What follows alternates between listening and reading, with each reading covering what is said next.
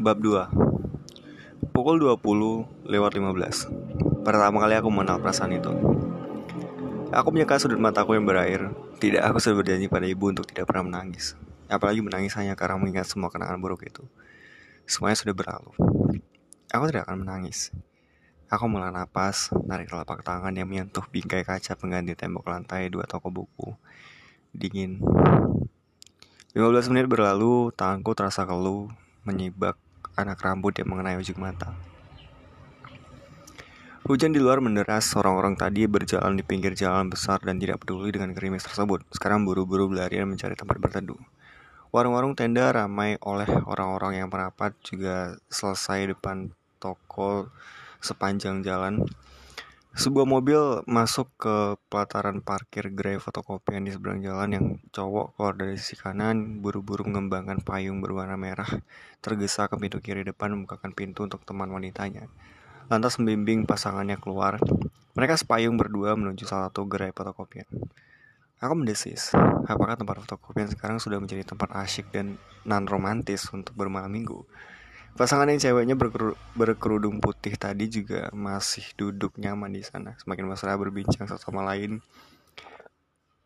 Apakah fotokopian sudah menambah variasi pemandangan seperti akhir pekan di atrium Toivan Square manalah yang penuh dengan sepasang kasih? Sudahlah, aku buru-buru menolehkan pandangan dari gerai fotokopian tersebut. Jalanan semakin mengular, macet semakin parah, cahaya lampu jalan membasahi jalan, membasahi jalan beradu dengan bunyi klakson dan dengus tebal. Setidaknya ada positifnya macet malam ini, pertunjukan ratusan cahaya lampu. Dua orang satpam toko buku di bawah mengembang mengembangkan payung hitam besarnya tidak peduli hujan yang menderas mereka tetap disiplin dan telaten memeriksa setiap mobil yang melewati gerbang toko buku mengangkat tangan memberi, memberi hormat, menyapa si mobil lewat, membuka kap belakang, mengarahkan cermin besar ke kolong mobil, dan seterusnya. Hujan deras ini tidak mengganggu sedikit pun konsentrasi mereka. Mereka bekerja keras.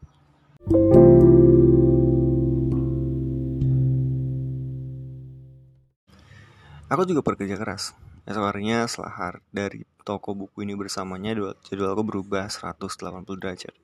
Pagi-pagi aku berangkat ke sekolah, masuk jam 7 teng, sekolah aku dekat dengan rumah kardus. Berangkat bersama adikku, jalan kaki. Benar-benar gaya saat kami pertama kali bergabung dengan upacara bendera hari Senin di lapangan sekolah. Apalagi saat aku diperkenalkan ibu guru di kelas. Semuanya terasa indah. Aku akhirnya kembali sekolah jam 12 teng. Aku baru buru pulang ke rumah kardus di bantaran kali, melempar tas dan buku sembarangan makan makan siang secepat mungkin langsung mengganti kostum dan mengambil kencerengan atau botol. Kami mengamen hingga sore hari, memilih rute jarak dekat. Sebelum maghrib kami sudah pulang makan malam bersama ibu lantas dengan penerangan lampu teplok yang kerap kali bertiup angin, aku belajar. Belajar hingga larut malam. Ada banyak hal yang harus kukejar, aku sudah tiga tahun tertinggal, tiga tahun sia-sia, dan karena aku sudah berikrar akan selalu menuruti kata-kata dia, maka saat dia mengusap rambutku malam itu sebelum pulang dari toko buku dan berkata pelan, belajarlah yang rajin Tania. Aku bersumpah untuk melakukannya. Sumpah yang akan membuat seluruh catatan pendidikanku kelak terlihat bercahaya, sempurna. Ibu sibuk mengin mengincakan untuk beranjak tidur, aku menjawabnya singkat sebelum mengantuk.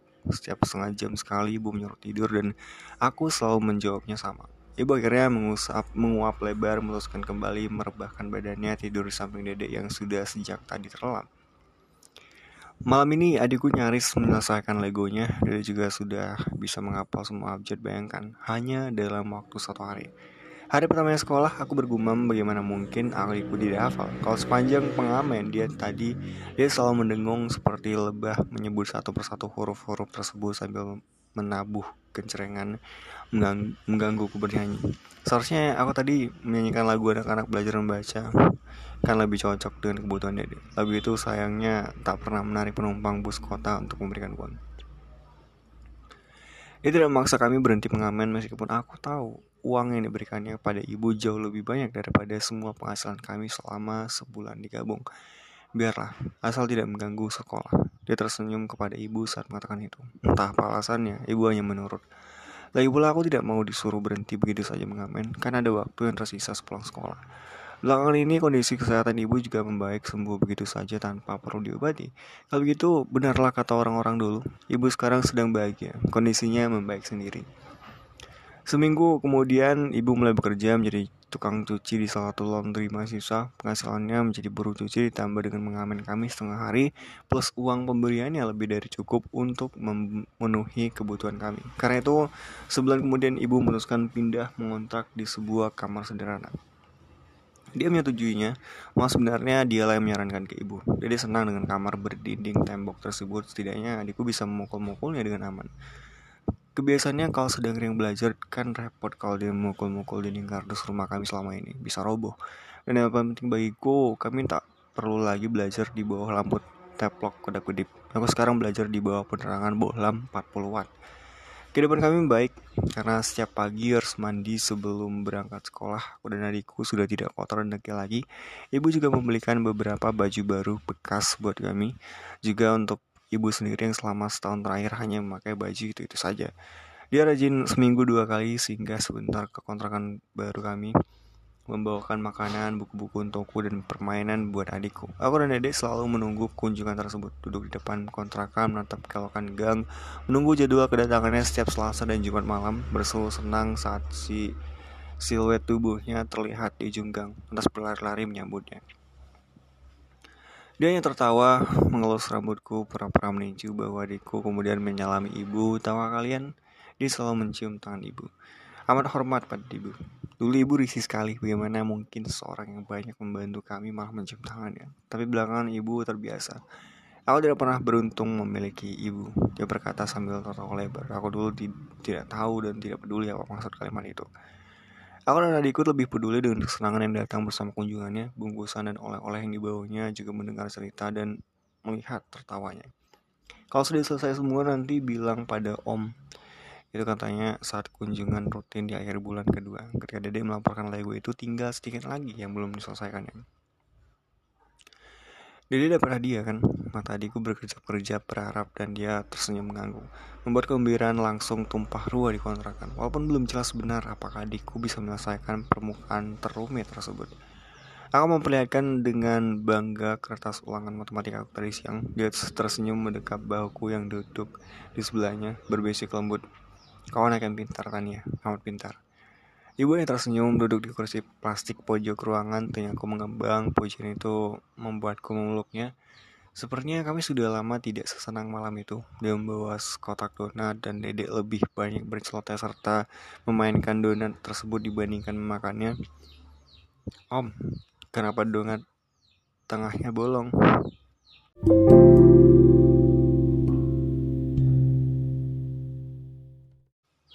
Oh iya, meski masih mengamen selepas pulang sekolah, sekarang setiap hari minggu aku dan dedek libur mengamen. Karena setiap hari minggu dia mengajak kami datang ke rumahnya. Rumah itu kontrakan, jauh lebih besar dan bagus dibandingkan kon kamar kontrakan kami. Halamannya luas dan dia tinggal sendirian di sana. Kata dia, dulu dia pernah tinggal bersama tiga temannya sejak mahasiswa. Saya ketiga-tiganya sudah menikah dan pindah, satu temannya malah menikah waktu masih kuliah. Bukan besar dan bagusnya Roma itu yang membuat aku dan adikku betah Melainkan karena setiap hari minggu dia membuka kelas mendongeng di rumahnya di ruangan depan yang dipenuhi jajaran lemari, lemari itu penuh buku setiap minggu pukul 8.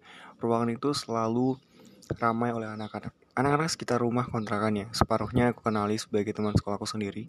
Dia bercerita, membacakan dongeng yang ada di buku atau menceritakan kisah lain secara langsung. Menyenangkan sekali berkumpul dengan anak-anak lain mendengarkan dia bercerita. Dia amat pandai bercerita, jauh lebih pandai dibandingkan kakek nenek di kampung waktu mereka masih hidup dan aku kebetulan libur lebaran di sana dulu. Anak-anak seperti biasa selalu berteriak lagi-lagi. Setiap tiba di ujung cerita anak-anak juga berebutan duduk di dekatnya. Tapi semenjak aku ikutan akulah yang selalu menguasai posisi itu. Bukan adikku aku senang duduk di sana. Tertawa lebar saat dia mengusap rambutku semua cerita selesai menjelang pukul 12 dan anak-anak beranjak pulang dia meminjamkan buku-buku dan lemari tersebut pada kami. Tanpa perlu repot-repot mencatatnya siapa saja bisa mengambil sendiri dan terserah mau dikembalikan kapan. Dia tidak peduli kami akan mengembalikannya atau tidak. Lemari itu selalu penuh. Nanti belakangan aku tahu sebuah rahasia besar. Dia ternyata pandai menulis cerita Menulis buku-buku beberapa di antara kisah yang diceritakan ke kami. Ternyata berasal dari buku yang ditulisnya sendiri juga novel-novel dewasa yang aku sukai selama ini, dia yang menulisnya. Aku ingat sekali, sore hari minggu itu seperti biasa, aku dan adikku pulang lebih lama dibandingkan anak-anak lain. Aku dan dedek bermain komputer di ruangan tengah. Dia duduk sambil mengetik sesuatu di laptopnya sambil meloroti layar komputer. Dede melaporkan bahwa dia berhasil menyelesaikan seluruh Lego tersebut. Dengan muka bangga dan riang, adikku menuntut janji hadiahnya. Setelah berpikir sejenak, dia menyebutkan dengan ringan, dengan ringan hadiahnya, dunia fantasi.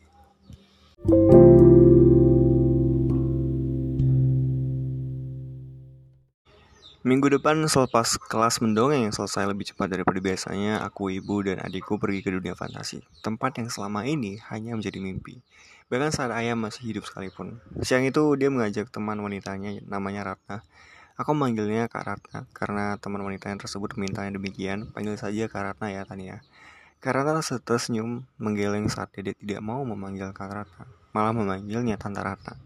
Keberatan. Kan Om Dana dipanggil Om, jadi Tante harus dipanggil Tante Ratna. Dede mengotot membela logikanya.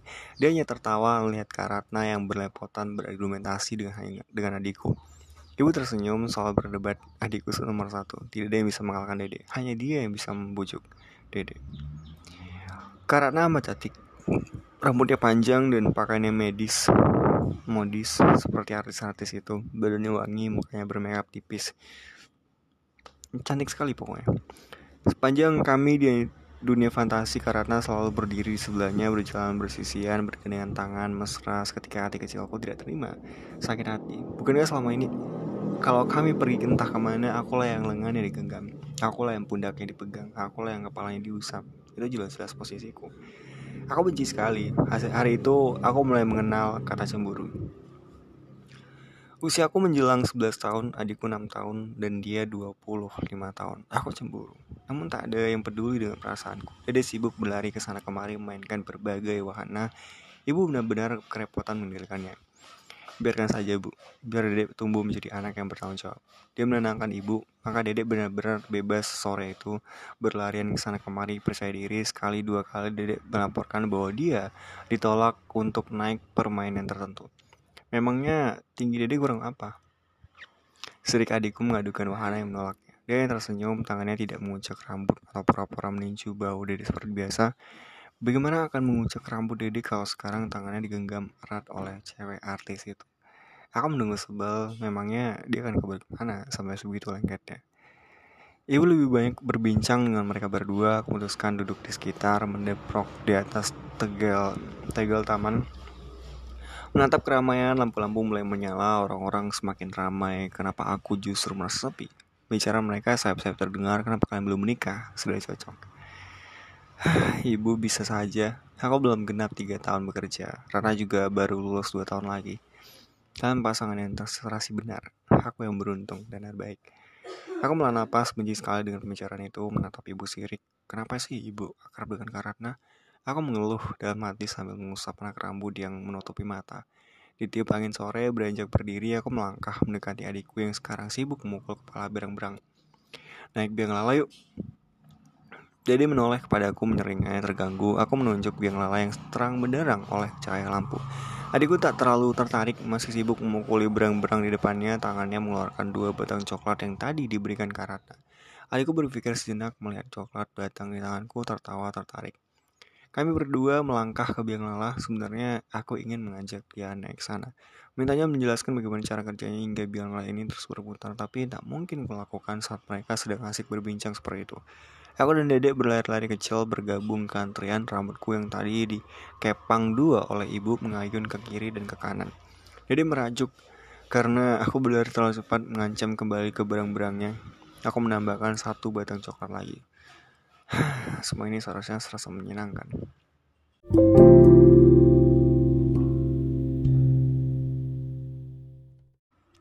Kenapa kalian tidak mengajak ibu, Karena dan Kak Danar naik biang lala? Karena bertanya sambil tersenyum waktu kami makan malam bersama di salah satu kedai makanan yang banyak tersedia di Dufan. Karena lagi asing ngobrol dengan ibu, Tania takut mengganggu. Aku menjawab pelan sambil mengunyah sop jagung masih panas di mulut, aku tetap mengunyah, tidak peduli ada yang lebih panas di hatiku. Makanannya bagus. Aku mengangguk. Kami bisa lihat Tante Ratna, Ibu, dan Om dari arah sana. Dede menyela sambil mengelap pipinya yang berlepotan sub adikku masih memanggil tante dan aku senang dengan kebandalan dede. Oh ya? Iya, ibu dan om terlihat kecil sekali dan Rana malah gak kelihatan. Tertawa. Adikku sengaja ngomong itu. Aku tak mengikuti lagi pembicaraan itu. Hatiku terlanjur sirik melihat Karatna yang sekarang menyendok sup jagung dari mangkok dia. Lihatlah, dia dan Karatna semangkok berdua. Kenapa harus sedikitunya coba? Dan Kan Karatna bisa saja ambil mangkok yang lain, mengganggu saja. Tapi sepertinya dia sedikit pun tidak merasa terganggu, malah terlihat senang dengan tawa lebarnya. Waktu itu aku tidak terpikirkan tentang perasaan yang aneh-aneh, sedikit pun tidak. Aku hanya merasa sebal dengan seorang tiba-tiba mengambil semua posisiku. Yang pertama soal berjalan bergandengan, yang kedua soal bicara. Bukankah selama enam bulan terakhir aku yang selalu diajaknya berbincang saat berpergian bersama. Yang ketiga soal tempat duduk saat makan. Harusnya posisi Karata sekarang adalah tempat dudukku. Yang keempat semangkuk berdua. Malam itu aku pulang ke kamar kontrakan kami dengan perasaan jengkel yang tak bisa mengerti. Entah apa maksud semua ini. Apa masih terlalu kecil untuk mengerti perasaanku sendiri.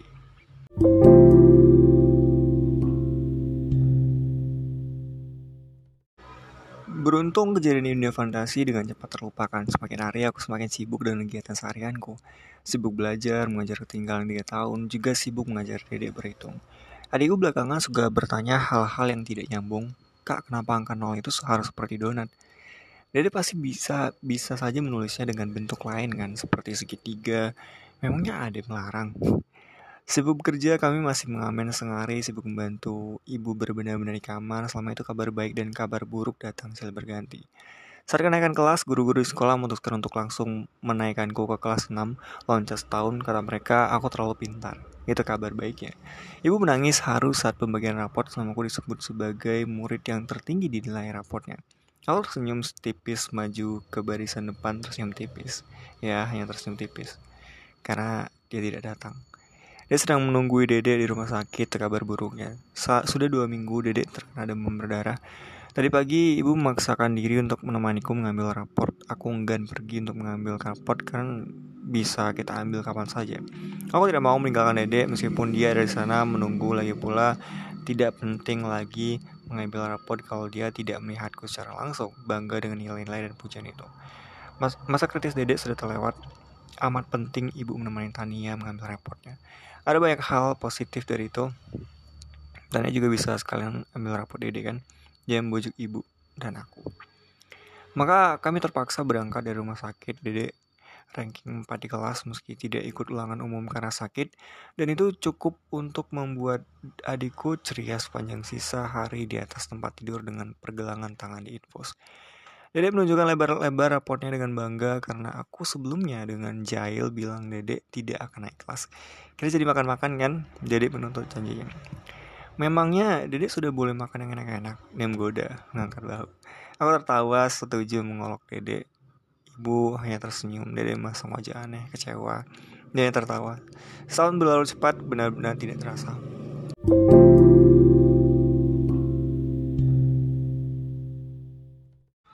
Foto Karatna dan dia dalam ukuran besar sekarang terpajang di rumahnya. Aku tidak terlalu peduli lagi setidaknya kalau Karatna tidak bersama kami. Karena tidak mengganggu kebersamaan kami. Sepanjang hari minggu, aku tak pernah melihat Karatna datang kontrakannya. Jadi hari itu sempurna milikku. Usia aku 12 tahun, adikku 7 tahun, dia 26 tahun. Aku tumbuh seperti anak remaja lainnya sekali Dua, ibu malah pernah memujiku cantik. Adikku biasanya menyela cantik apanya, rambut panjang, kuku panjang. Untung Kak Tania nggak punya lubang di belakang. Dia tertawa senang aku melemparnya dengan bantal. Sekarang aku naik pangkat di kelas mendongeng di hari minggu. Dia memilih beberapa anak yang lebih besar untuk bercerita ke anak-anak yang lain dan salah satunya aku. Menyenangkan menjadi dia, meniru caranya bercerita, meniru semuanya, dan aku berpikir anak-anak yang lain senang dengan ceritaku. Kau pandai bercerita Tania, amat pandai. Dia memujiku sore itu. Aku tersenyum malu. Enggak, lebih asik kalau Om Danar yang cerita. Jadi memprotes pujiannya. Aku menjulurkan lidah ke arah adikku dasar perusak sosana. Adikku hanya menyeringai.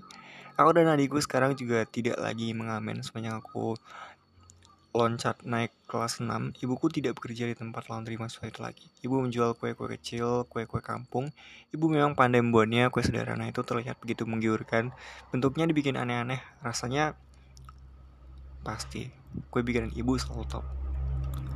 Meskipun tidak mengamen, aku dan adikku ter tetap sibuk membantu ibu membuat kue-kue itu mengantarkannya ke tetangga, war-warung, coko-coko juga beberapa koperasi di kampus-kampus.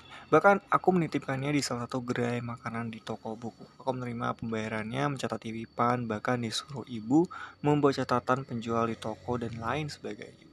Usaha kue itu maju sekali beberapa bulan kemudian ibu harus mengajak dua anak tetangga untuk membantu di hari-hari tertentu. Pokoknya aku belum pernah melihat ibu sesibuk itu.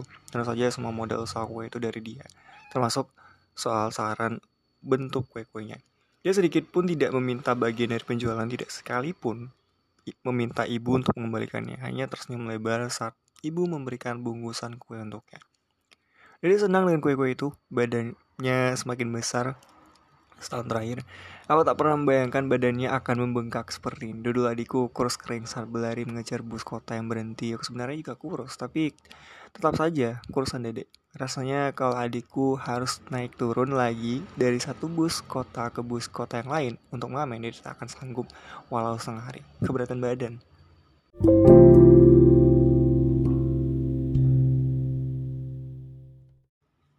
Enam bulan kemudian aku justru benci kata kesibukan. Gara-gara itu belakangan dia semakin jarang singgah di kontrakan kami saat pulang dari kantor.